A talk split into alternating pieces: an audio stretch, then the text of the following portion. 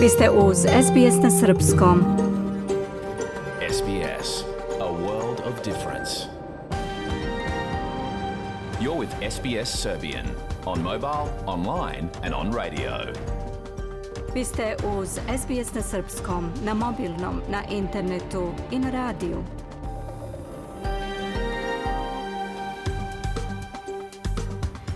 SBS odaje priznanje tradicionalnim vlasnicima zemlje sa koje danas emitujemo program na srpskom. Ovim izražavamo poštovanje prema narodu Vurenđeri i Vojvurung, pripadnicima nacije Kulin i njihovim prošlim i sadašnjim starešinama. Također odajemo priznanje tradicionalnim vlasnicima zemlje iza svih aboriđinskih naroda i naroda sa ostrva iz Toresovog Moreuza, sa čije zemlje slušate program. Dobar dan, danas je utorak 19. septembar 262. dan 2023. Do kraja godine 103 dana. Ja sam Biljana Ristić. U današnjem programu posle pregleda vesti više o novom izveštaju organizacije Anglicare Australia da se ljudi sa nižim prihodima nalaze u spiralama dugova zbog sve većih životnih troškova. Također o novim podacima koje je objavio Crveni krste Australija koji pokazuju da su ljudi sve više zabrinuti zbog povećanja prirodnih katastrofa, ali aktivno ne preduzimaju ništa da se pripreme za njih. 11. septembra navršilo se 109 godina od rođenja potonjeg patrijarha Pavla, a Mija Nikolić će nas danas podsjetiti zašto su ga Srbi voleli, kako ga se sećaju, šta danas govore o njemu i koja pregnuća ispunjavaju njegovu biografiju. Akne zagorčavaju život milionima dece i odraslih širom sveta, ali australijski naučnici su možda otkrili efikasnu terapiju za ovu kožnu bolest o tome u okviru zdravstvenih tema. Ostanite sa nama do 16 časova, sledi pregled vesti.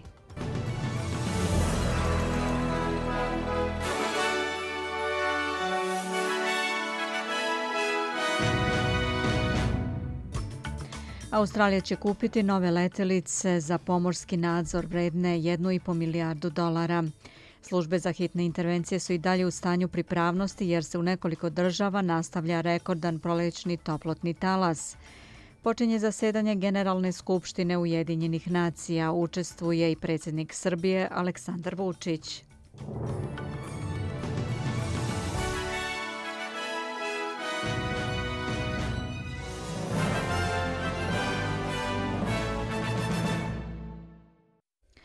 Australija će kupiti nove letelice za pomorski nadzor vredne 1,5 milijardu dolara.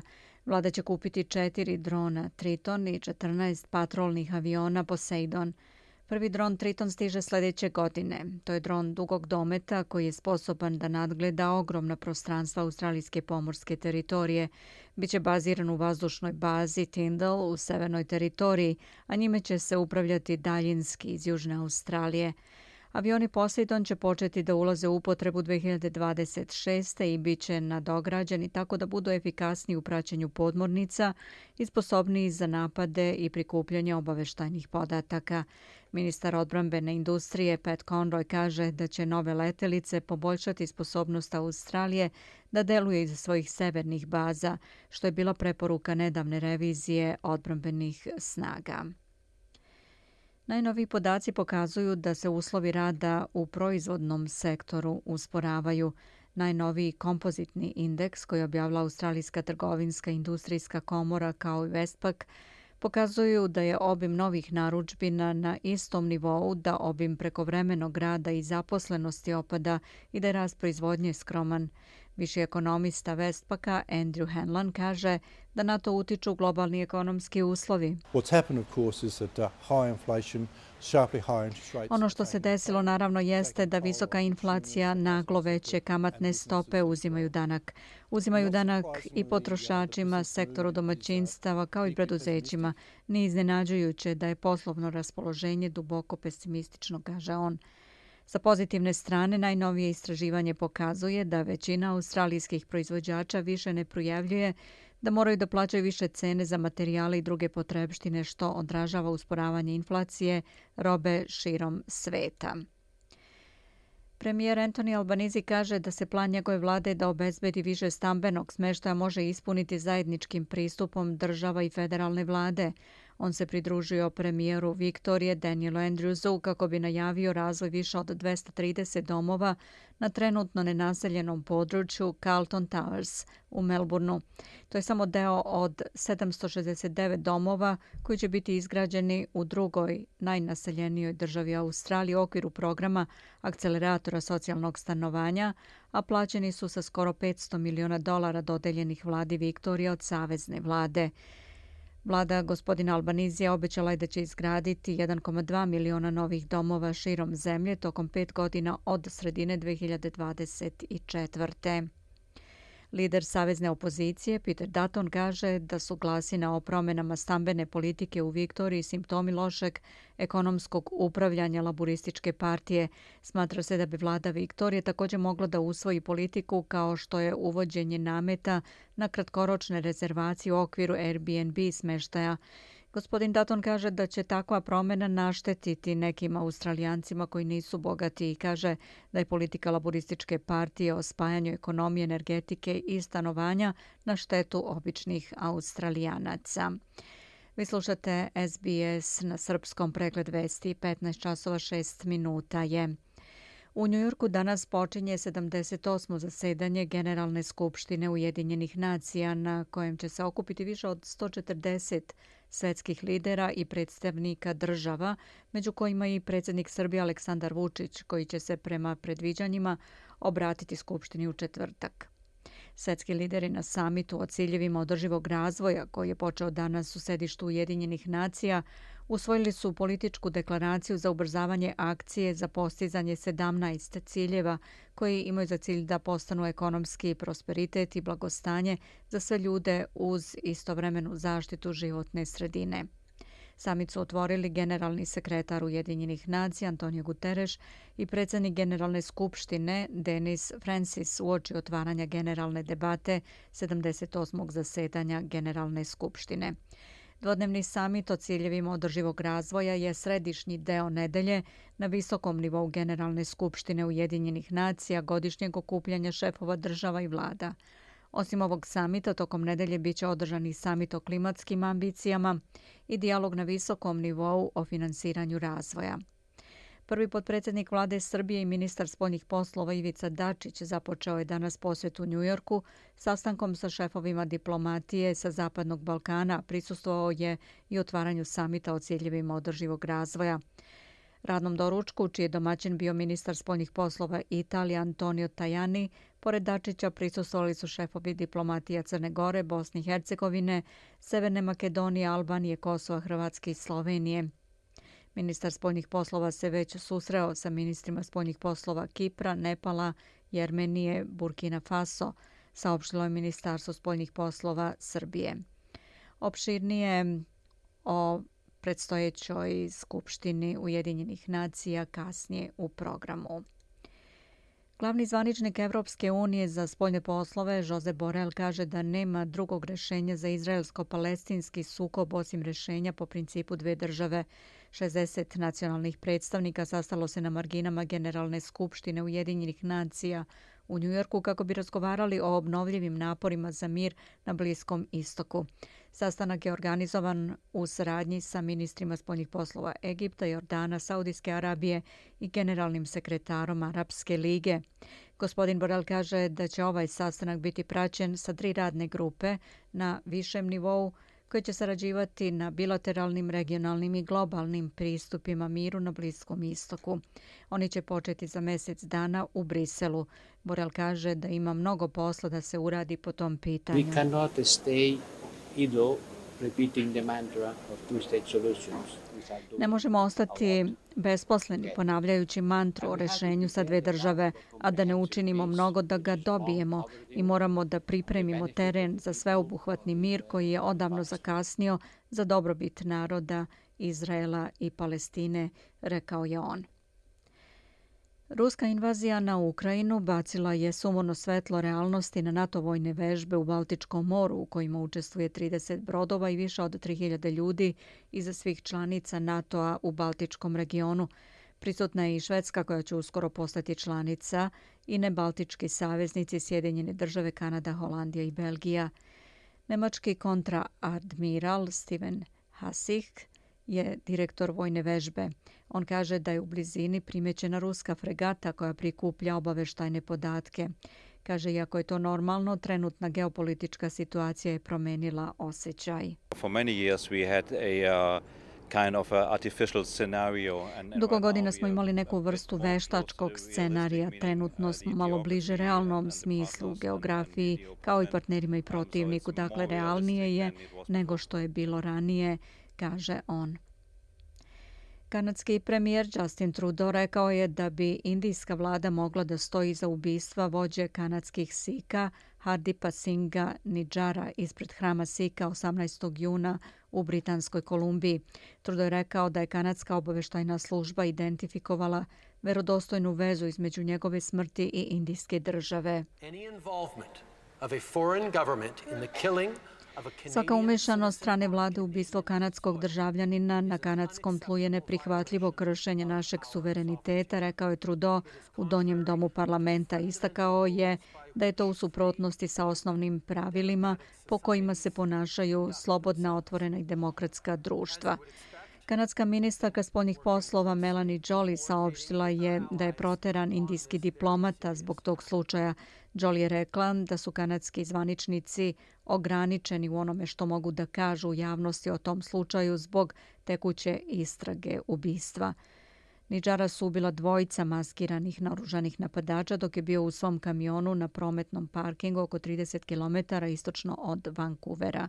Indija je ranije negirala bilo kakvu umešanost u njegovo ubistvo. A Kina je uzvratila Nemačkoj zbog primetbi ministarke spoljnih poslova o predsjedniku Xi Jinpingu.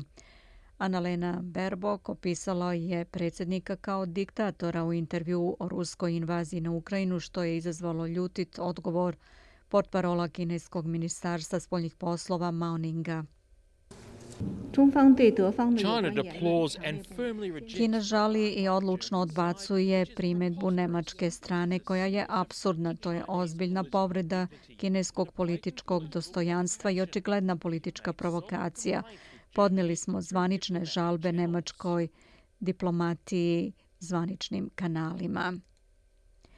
Kineski ministar spoljnih poslova Wang Yi započeo je četvorodnevnu posetu Rusiji koja će uključiti godišnje razgovore o bezbednosti.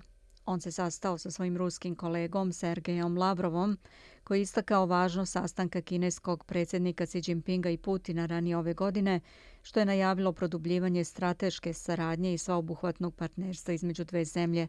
Pretpostavlja se da bi ruski predsjednik Putin mogao posjetiti Kinu sljedećeg meseca. U izjavi koja je, čini se, imala Sjedinjene države kao referencu, gospodin Van kaže da zemlje poput Kine i Rusije imaju odgovornost da održe globalni mir uprkos protivljenjima. Kina i Rusija kao vodeće svetske sile i stalne članice Saveta bezbednosti Ujedinjenih nacija snose posebnu odgovornost u pogledu održavanja globalne strateške stabilnosti i mira, što su sve žešće jednostrane akcije hegemonije usmerene na konfrontaciju. To je za nas važnije da ispunjavamo svoje međunarodne obaveze u skladu sa osjećajem dužnosti svojstvenim velikim silama, rekao je on. Lideri pacifičkih ostrovskih zemalja sastaće se sljedeće nedelje sa američkim predsjednikom Bidenom na drugom poredu samitu. Generalni sekretar Foruma Pacifičkih ostrva Henry Puna kaže da se region raduje poseti i nada se da će ona rezultirati konkretnim akcijama. Gospodin Biden je pre godinu dana bio domaćin prvog samita sa liderima Pacifičkih ostrva, na kojem je njegova administracija obećala da će se više raditi sa saveznicima i partnerima na rešavanju potreba ostravljana. 15 časova 14 minuta je vi slušate SBS na srpskom pregled vesti. Sjedinjene američke države i Iran u ponedeljak su obavili razmenu zatvorenika na osnovu nedavno postignutog sporazuma uz posredovanje Katara. Dogovor je finalizovan nakon što su milijarde dolara iranskih sredstava koje su bile zamrznute u Južnoj Koreji stigle u zalivsku državu što je bio i ključni element planirane razmene, kažu zvaničnici. Planirana razmena desila se neposredno u oči Generalne skupštine Ujedinjenih nacija u Njujorku na kojoj će govoriti tvrdolinijaški predsjednik Irana Ebrahim Raisi.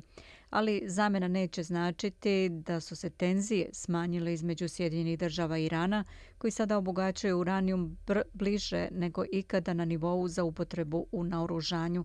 Pod parol Iranskog ministarstva spoljnih poslova Nasser Kanain prvi je priznao da će doći do razmene. Na osnovu najnovih informacija koje imam, razmena zarobljenika će biti obavljena danas. Pet državljana Islamske republike Iran bit će pušteno iz zatvora. Za uzvrat pet Amerikanaca zatočenih u ozloglaženom iranskom zatvoru Evin također je oslobođeno.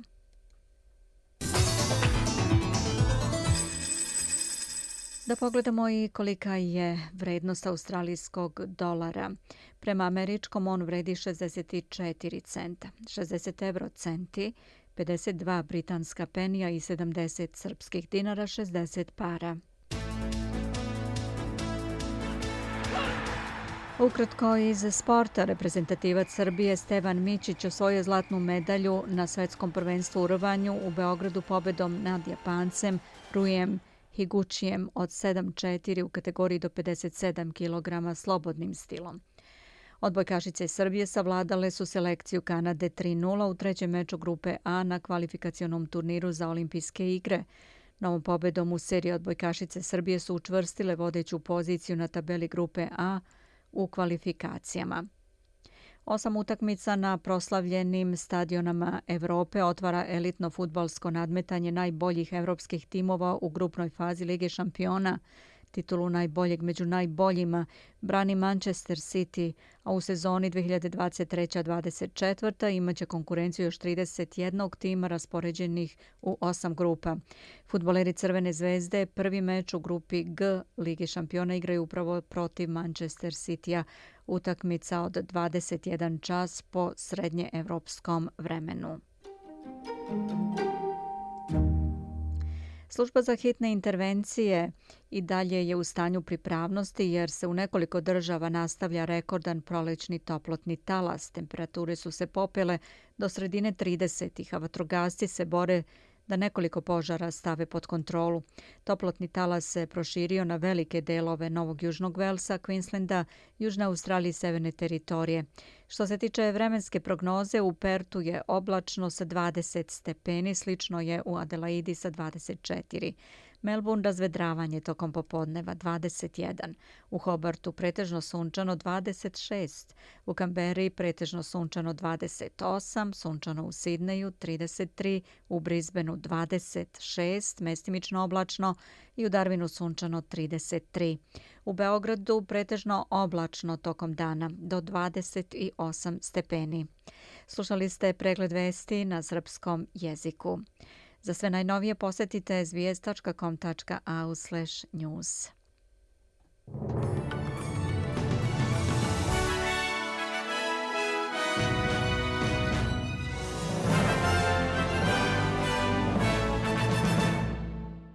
Petnaest časova 20 minuta je tačno na našem časovniku. Vi slušate program na srpskom. Ja sam Biljana Ristić. Ostanite sa nama do 16 časova u nastavku aktualne teme iz Australije. Novi podaci koje je objavio Crveni krst Australije pokazuju da su ljudi sve više zabrinuti zbog povećane učestalosti elementarnih nepogoda, ali da uprkos tome ne preduzimaju aktivne korake kako bi se pripremili za vanredne situacije. Prilog za SBS News pripremila je Angelika White za SBS na srpskom Nataša Kampmark. Da čujemo taj prilog. Istraživanje sprovedeno na zahtev Crvenog krsta Australije pokazalo je da Australijanci očekuju povećanje broja elementarnih nepogoda i vanrednih situacija. What we have seen is especially in this last five years Penny Harrison je šef osoblja Crvenog krsta Australije i ona kaže da su primetili da je naročito u posljednjih pet godina među stanovnicima Australije porasla svest o pretnji koju predstavljaju događaji poput toplotnih talasa, šumskih požara, poplava i ozbiljnih prekida dovoda električne energije i da je zato među ljudima zavladao osjećaj da je sve moguće i da očekuju pogoršanje situacije, objašnjava ona. Prikupljeni podaci pokazuju da 58% ljudi očekuje da će biti pogođeni toplotnim talasima u narednih mjesec dana, što je više nego duplo u odnosu na pre pet godina. Procenat ljudi zabrinutih zbog požara i poplava također je značajno porastao u posljednjih pet godina. Gospođa Harrison kaže da je ovaj porast očekivanja direktno povezan sa intenzitetom i učestalošću nepogoda i vanrednih situacija. Certainly if we look back in the past five years and we've had communities all across Ako se osvrnemo na proteklih pet godina, vidjet ćemo da je ljude širom zemlje, kao i svaku državu i teritoriju, zadesio neki oblik velike prirodne katastrofe i nepogode manjih razmera. Neke ljude, kao na primjer one koje žive na području Northern Rivers i u južnom Queenslandu, pogodili su požari, pa zatim COVID, pa onda poplave, tako da su zapravo pretrpeli višestruke nepogode. Zato verujemo da je porast svesti od opasnosti i veće razumevanje rizika u lokalnom okruženju verovatno proizašlo iz toga što su mnogi ljudi, nažalost, bili pogođeni ovim nesrećama, objašnjava ona. Međutim, iako ovo istraživanje pokazuje da su Australijanci sve zabrinutiji, Ono također otkriva da ljudi ne preduzimaju potrebne korake kako bi se pripremili za očekivane nepogode.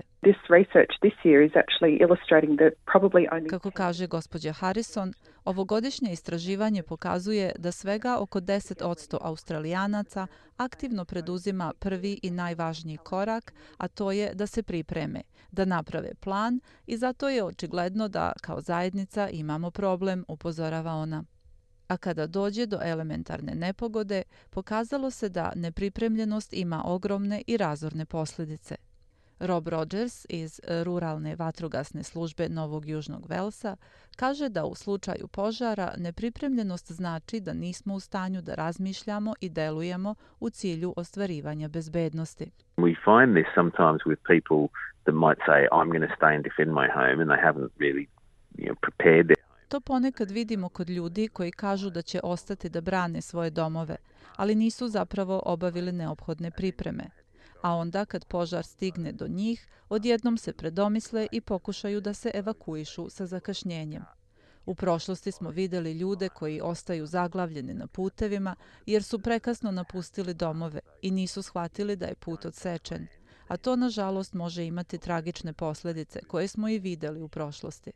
Zato kažem da ako ne planirate unapred, onda je veća verovatnoća da ćete doneti neke loše odluke u vanrednoj situaciji, objašnjava gospodin Rogers i naglašava da je veoma važno da izdvojimo vreme i pripremimo se za slučaj opasnosti. If you put in a little bit of effort ahead of time and you've got something written down to follow, Ako unapred uložite malo truda i zapišete ono što treba da uradite, onda čak i ako niste u dobrom psihičkom stanju, jer ćete biti pod stresom i u panici, možete samo da pratite ono što ste zapisali. Te mere predostrožnosti mogu da naprave ogromnu razliku i omoguće vam da donesete ispravne odluke kako biste vi i vaša imovina imali dobre izglede da preživite nepogodu, kaže on. Pored povećanja fizičkog rizika, nepripremljenost može da ima i ozbiljne psihičke posljedice. Jocelyn Galvez iz službi za hitne intervencije već pet godina sarađuje sa ekipama Crvenog krsta Australije koje intervenišu pri elementarnim nepogodama i pomažu zajednicama kad se dogode velike poplave, požari i cikloni.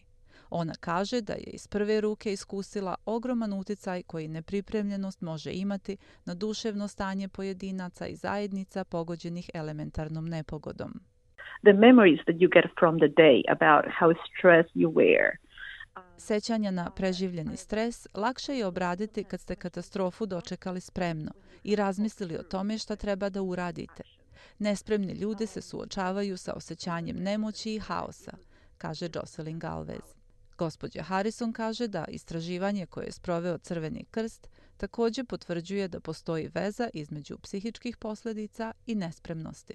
Australian Red Cross experience shows that there is indeed a strong correlation between the emotional impact. Um, Iskustvo Crvenog krsta Australije pokazuje da zaista postoji čvrsta korelacija između psihičkih posljedica i nivoa pripremljenosti. Što su ljudi manje pripremljeni, teže im je da se nose sa situacijom i da se oporave posle nepogode. Na osnovu toga znamo da je planiranje i razmišljanje o tome šta bi nepogoda mogla da znači za vas, bilo kao pojedinca, domaćinstvo ili zajednicu, zaista važno da biste se emotivno i psihološki pripremili, kaže Harrison. Gospođa Galvez kaže da je mentalna priprema za elementarne nepogode podjednako važna kao i fizička priprema za reagovanje u vanrednim situacijama. Ona kaže da bi emotivna priprema trebalo da bude važan deo plana za reagovanje u slučaju nepogode.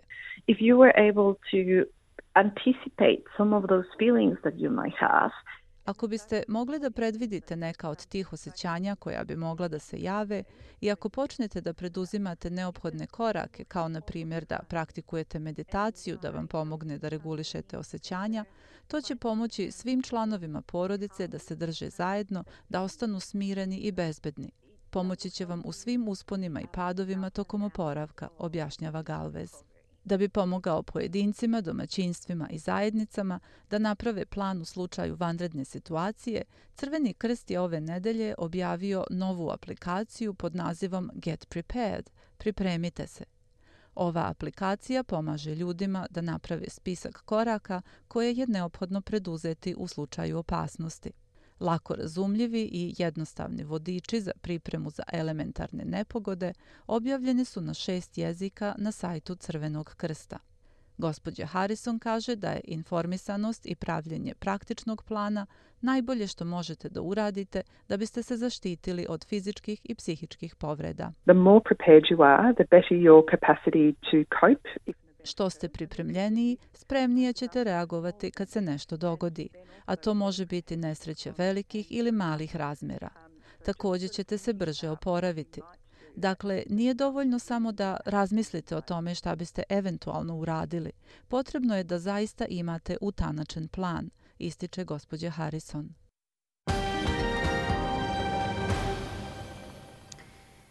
Izvršna direktorka humanitarne organizacije Anglicare Australia, Casey Chambers, kaže da je potrebno raditi mnogo više kako bi se rešio problem kako se izrazila premije za siromaštvo koju trenutno plaćaju australijanci sa nižim primanjima, piše Gareth Borham za SBS News.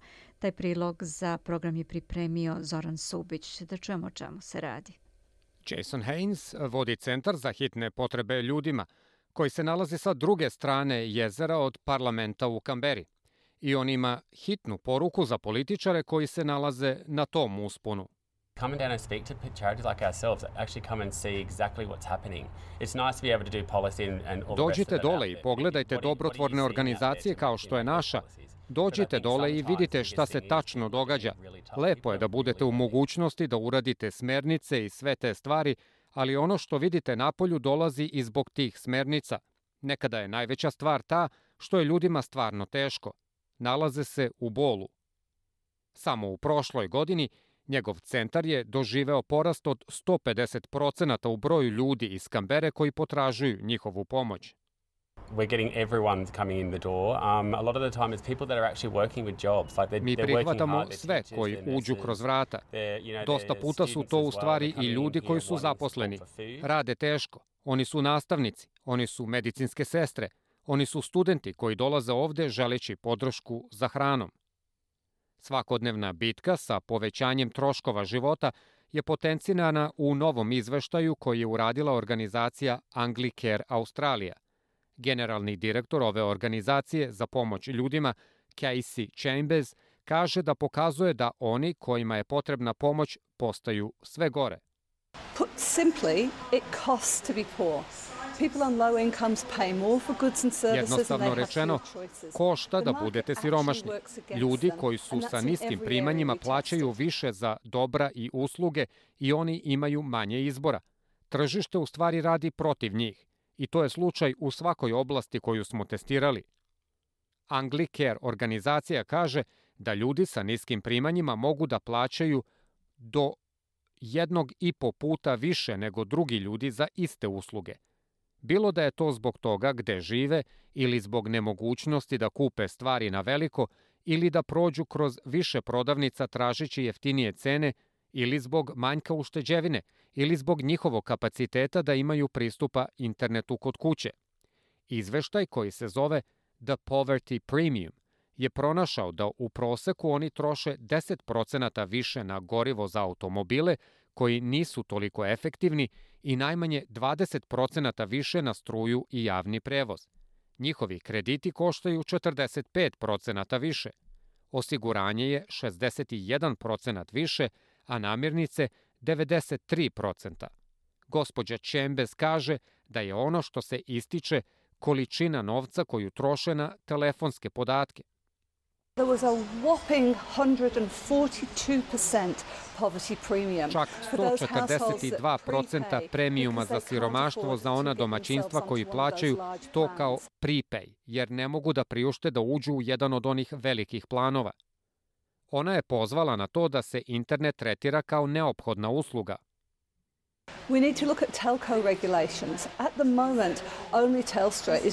Moramo da pogledamo kakvi su tehnološki propisi ovog trenutka. Samo Telstra mora da pruža usluge i dobra ljudima sa malim primanjima.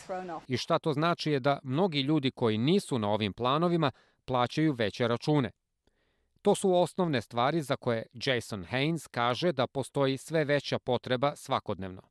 your rent, your petrol's gone up, the food's gone up, what what goes? And that's the thing. It's majority of the time Vaša kirija, benzin za automobil raste, cena vaše hrane je porasla. Većinu vremena su roditelji ti koji se odriču stvari. Imali smo gospođu koja je došla i dali smo joj šampon i počela je da plače. I rekla je, ne znate kada je bio posljednji put kada sam uradila nešto toliko luksuzno kao što je pranje moje kose. 15 časova 34 minuta je. Ostanite sa nama, ja sam Biljana Ristić. Danas počinje zasedanje Generalne skupštine Ujedinjenih nacija. Očekuje se da će klimatske promene, odnosno sve prisutnija kriza u toj oblasti kao i rat u Ukrajini biti najznačajnije teme tokom tekuće nedelje u Njujorku, gde se više od 140 svetskih lidera i predstavnika država okuplja povodom 78. zasedanja Generalne skupštine. Opšta debata koja počinje danas nakon dvonedeljnih sastanaka u sedištu Ujedinjenih nacija omogućava svetskim liderima da saopšte prioritete za sljedeću godinu, posjeću saradnju, ali kritikuju svoje suparnike. Debata se održava pod nazivom Ponovna izgradnja poverenja i pokretanje globalne solidarnosti. Očekuje se da će se razmatrati pitanja ljudskih i međunarodnih prava i saradnje u ekonomskim, društvenim, kulturnim, obrazovnim i zdravstvenim oblastima. Generalna skupština ima mogućnost da donosi rezolucije i deklaracije čiji je cilj da uspostave vodeće principe te organizacije. Uobičajeno je da predsjednik Generalne skupštine Antonio Guterres održi prvi govor u generalnoj debati. Tradicionalno prva država koja se obraća je Brazil, a zatim Sjedinjene države koje su domaćin. Očekuje se da će predsjednik Biden u govoru nastojati da potvrdi status zvaničnog Vašingtona kao globalnog lidera.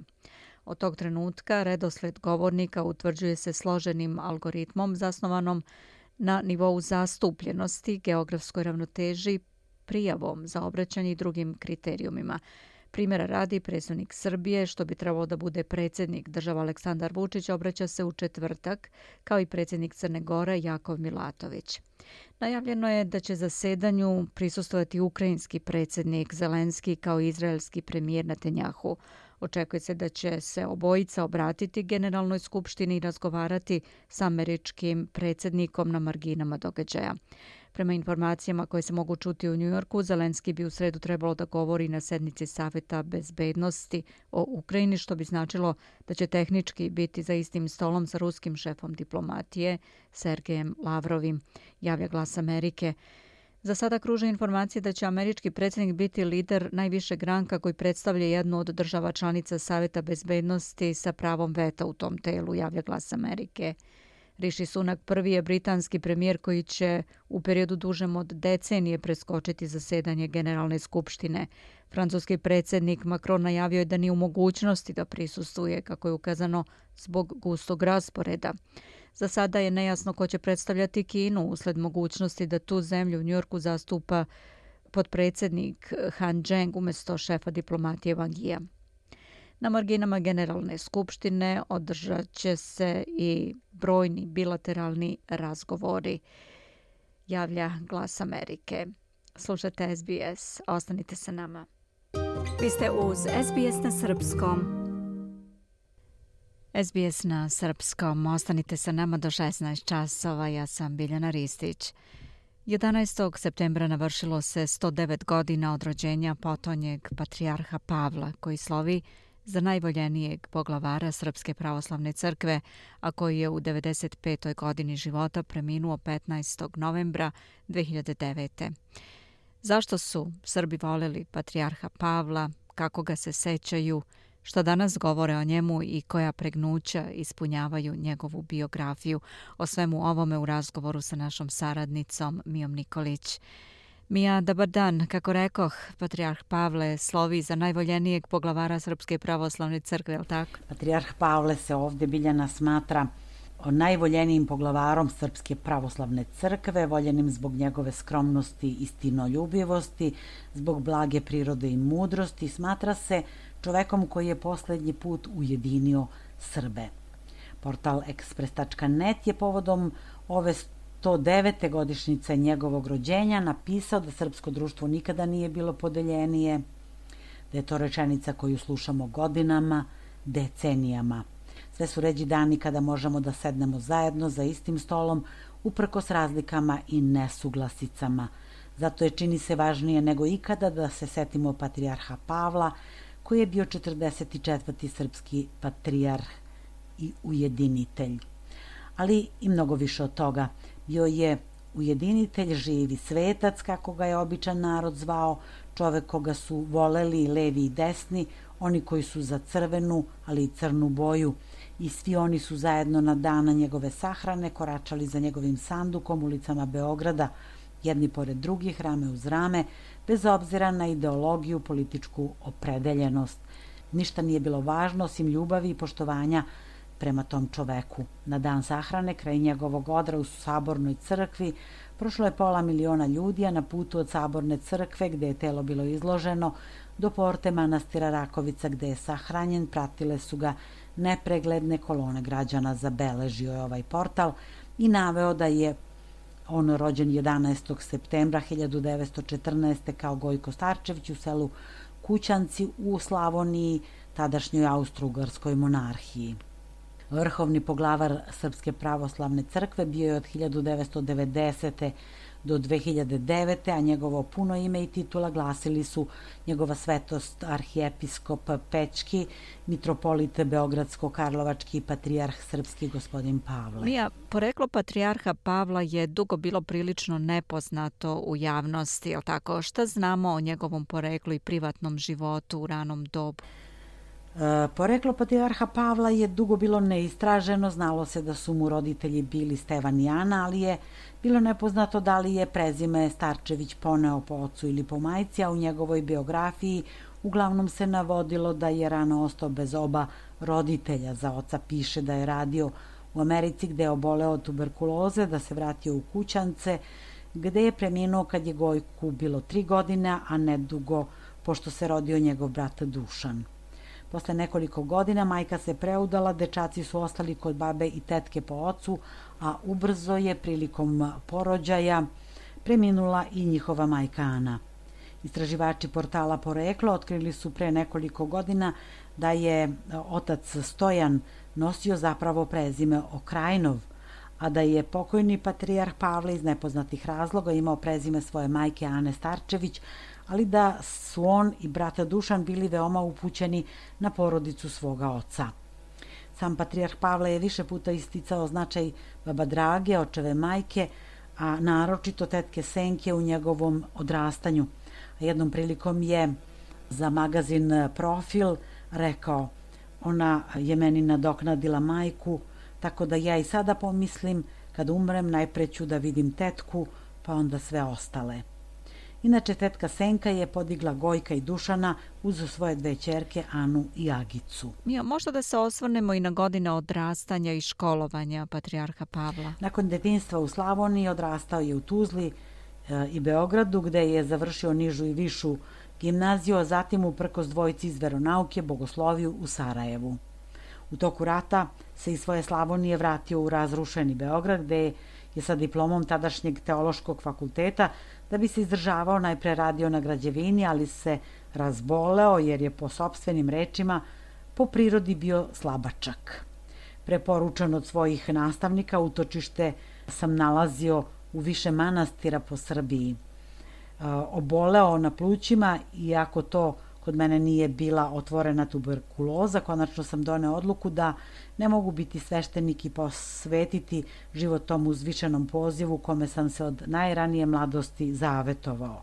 Svestan da taj poziv nije za mene i da od malena bez roditelja ne mogu imati svoju porodicu, zamonašio sam se u oči blagovesti 1946. godine u manastiru Blagoveštenje u Ovčar banji izjavio je jednom prilikom. Postdiplomske studije završio je na Bogoslovskom fakultetu u Atini gde je odbranio doktorat 1957. kao mladi doktor teologije izabran je za episkopa Raško-Prizrenskog u teško vreme, došao je na teško mesto. Obnavljao je crkve i manastire, radio na očuvanju prizrenske bogoslovije, često izveštavao sveti arhijerejski sinod Srpske pravoslavne crkve, pa čak i u Ujedinjene nacije o položaju srpskog naroda na Kosovu i Metohiji i njihovim iskušenjima. Dobijao sam upozorenja da pazim na svoje redovne izveštaje jer dolaze u ruke i svetovnim vlastima, ali je bilo sve jasnije da je Kosovu i Metohiji negde na nekom mestu presuđeno da više ne budu srpski, govorio je kasnije. Do kada ostaje na mestu episkopa Raško-Prizrenskog? Na mestu episkopa Raško-Prizrenskog ostao je do 1990. A kad je izabran za patrijarha, ovu ulogu nije lako prihvatio. U svojoj 76. godini, kad je izbor pao na mene, osjećao sam da me je to breme našlo nevična i nespremna. Priznao je kasnije i naveo da se pribrao, kad je shvatio da primiti najviši čin znači prednjačiti u službi i stradanju, a ne u starešinstvu. Novi 44. patrijarha Srpske pravoslavne crkve 1. decembra 1990. je po svom izboru rekao Moje su snage slabe, to svi znate. Ja se u njih ne nadam. Nadam se u vašu pomoć i u pomoć Božju kojom me je oni do sada držao neka bude Bogu na slavu i na korist njegovoj crkvi i našem napaćenom narodu ova teška vremena. Mi nemamo nikakav program patrijaršijske delatnosti, naš program je Evanđelje Hristovo. Da, patrijarh je rekao da ga je to breme našlo nevična i nespremna, ali njegova dela govore drugačije, zar ne? U 19 godina koliko je bio na čelu Srpske pravoslavne crkve nije se pokazao ni slab ni nejak, već je uprko svojoj sitnoj figuri bio kao stameni hrast. Iako je srpski narod prolazio kroz teško vreme, napravio je patrijarh Pavle mnogo toga. Ujedinio je crkvu i ustao protiv raskola u političkoj emigraciji, osnovao je nekoliko novih eparhija, osnovao ili obnovio rad Bogoslovija, Cetinska i Kragujevačka, pa Duhovna akademija Svetog Vasilija Ostroškog u Foči na njegovu inicijativu uz podršku tadašnjeg premijera Zorana Đinđića. Veronauka je vraćena u škole 2002. a Bogoslovski fakultet u okvir Beogradskog univerziteta, odakle su ga komunisti izbacili 1952. A 1993. pokrenuo je Akademiju za umetnost i konverzaciju. Istakao se i naučnim radom, izdao je monografiju ima manastiru Dević 27 objavljuje studije iz liturgike od kojih je nastalo trodomno delo da nam budu jasnija neka pitanja naše vere. Autor je više bogoslužnih knjiga, bio je predsednik komisije Svetog arhijereskog sinoda za prevod Svetog pisma. Objavio je knjigu pitanja i odgovori čtecu pred proizvodstvo, a nakon njegove smrti izašle su pouke patrijarha Pavla Budimo ljudi u pet knjiga, njegova sabrana dela životopisi pouke Patrijarha Pavla, Bog će pomoći ako ima kome, odlikovanje za života mnogobrojnim svetovnim i duhovnim priznanjima, ordenom Nemanje prvog stepena, ordenom Karadžorđeve zvezde, ruskim ordenom, dostojanstvo i drugim nagradama, ali najveća Priznanja dolazila su mu od njegovog naroda. Na kraju Mija, kako Srbi pamte patrijarha Pavla? Srbi pamte svog patrijarha Pavla kao neobično skromnog čoveka. Svuda gde je mogao išao je peške, hitrim korakom. Kad nije mogao, išao je gradskim prevozom. Sam je popravljao svoje cipele, u džepovima je uvek imao bombone koje je delio deci. Sačuvan je veliki broj anegdota izjava patrijarha Pavla. Jedna od najpoznatijih je kad se čovek rodi, ceo svet se raduje, a samo on plače, ali treba živeti tako da kad umre, ceo svet plače, a samo on se raduje. Često se citiraju i ove njegove poruke. Ne branimo se od tuđeg zla, zlom u sebi. Čuvajmo se neljudi, ali se još više čuvajmo da mi ne postanemo neljudi. Ne zaboravimo nikada da je zlo kratkog veka i samo na izgled uspešno i blistavo. Zato na zlu, lukavstvu, prevari ne treba zasnivati ništa, pogotovo ne život, govorio je patrijarh Pavle, ujedinitelj, koga su Srbi za njegovog vakta smatrali živim svecem. Studio? Toliko za danas. Hvala. Bila je to naša saradnica iz Srbije, Mija Nikolić. Ja sam Biljana Ristić. Pri kraju programa još jedna tema u okviru zdravstvenih. Akne zagorčavaju život milionima dece i odraslih širom sveta, ali i australijski naučnici su možda otkrili efikasnu terapiju za ovu kožnu bolest. Dermatolozi kažu da će nova terapija doprineti povećanju samopouzdanja kod svih koji pate od akni. Piše Omoh Belo za SBS News. Za program je pripremila Nataša Kampmark. Australijski naučnici su otkrili novi vid terapije za akne. Akne su kožna bolest koja nastaje kada se začepe žlezde lojnice masnoćom i mrtvim ćelijama kože, što uzrokuje pojavu mitisera i bolnih zagnojenih bubuljica. Prema rezultatima globalne studije o teretu bolesti, projekta koji ima za cilj da kvantifikuje sve zdravstvene probleme na globalnom nivou, od ovog upalnog stanja kože pati oko 800 miliona ljudi širom sveta, a ono se najčešće javlja kod tinejdžera i mladih između 12 i 25 godina. Rodney Sinclair je profesor dermatologije na Univerzitetu Melbourne i on kaže da se akne javljaju kod skoro svih tinejdžera u Australiji, kao i to da se osobe sa aknama mogu osjećati nesrećno i imati nizak nivo samopouzdanja. There's virtually not a single teenager in Australia who gets through those adolescent years without developing acne to some. Gotovo da nema ni jednog tinejdžera u Australiji kod koga se tokom adolescencije ne pojave akne u određenom stepenu.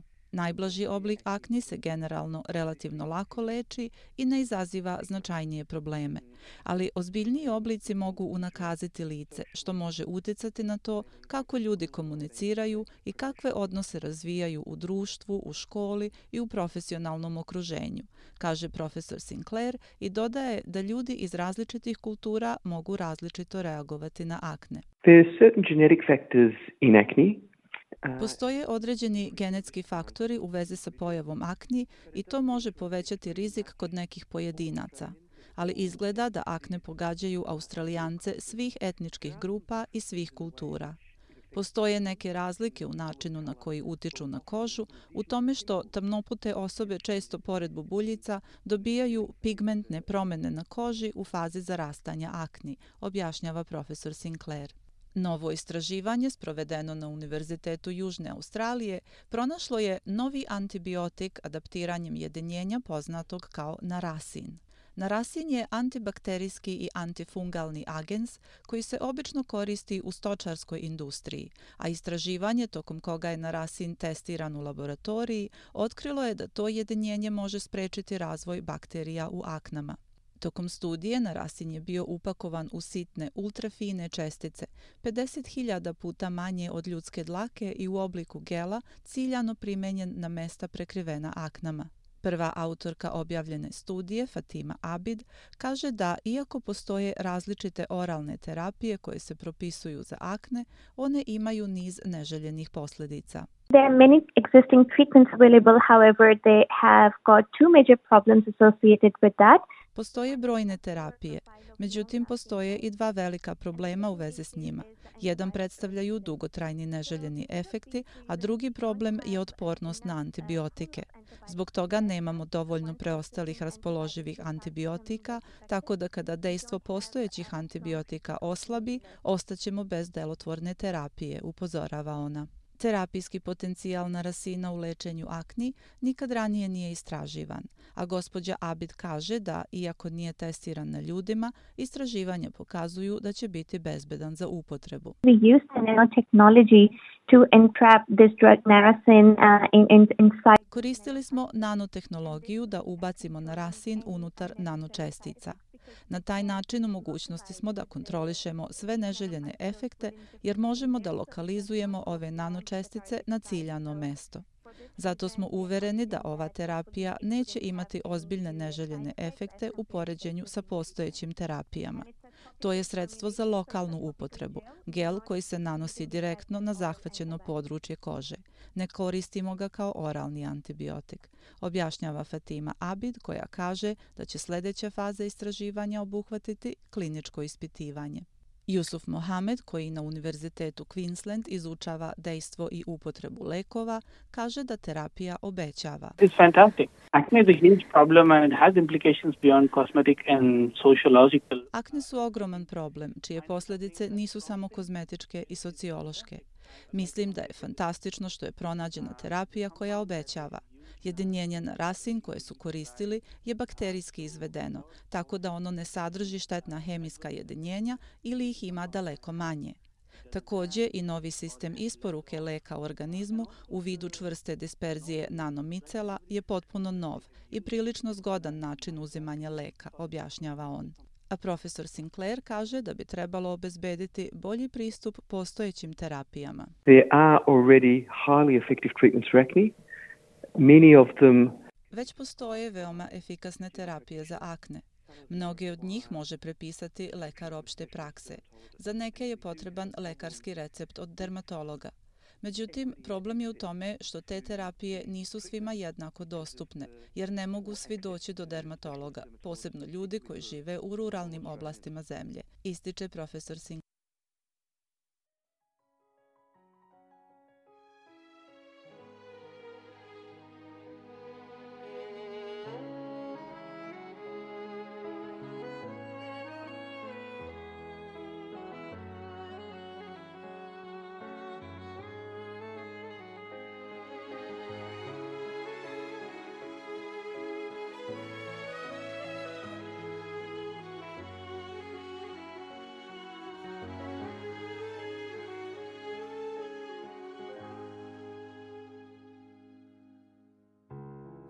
Sreće drugi put. Kažeš mi to tako lako. Vidim da nam ne ide. A još kako moglo je.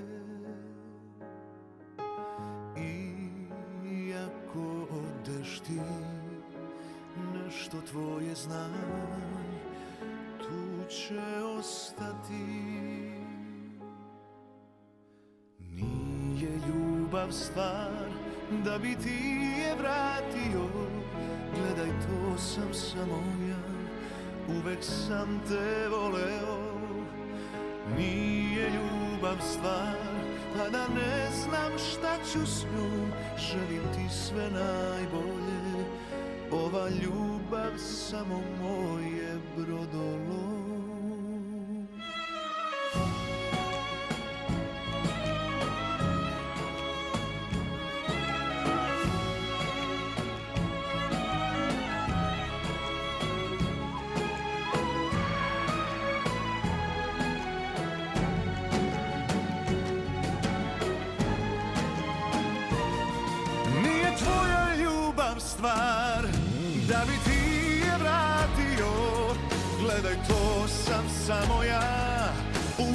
Sam te voleo Nije moja ljubav stvar Pa da ne znam šta ću s njom Želim ti sve najbolje Željko Joksimović nije ljubav stvar, pesma sa kojom je predstavljao Srbiju na Euroviziji 2012. godine i time završavamo današnji program. Sljedeća emisija na Srpskom je u četvrtak u 15 časova. Pridružite nam se, posjetite našu web stranicu. Družite se sa nama na Facebooku SBS Serbian. Sa vama je bila Biljana Ristić. Želim vam prijatno popodne. Doviđenja i do slušanja. Samo moj je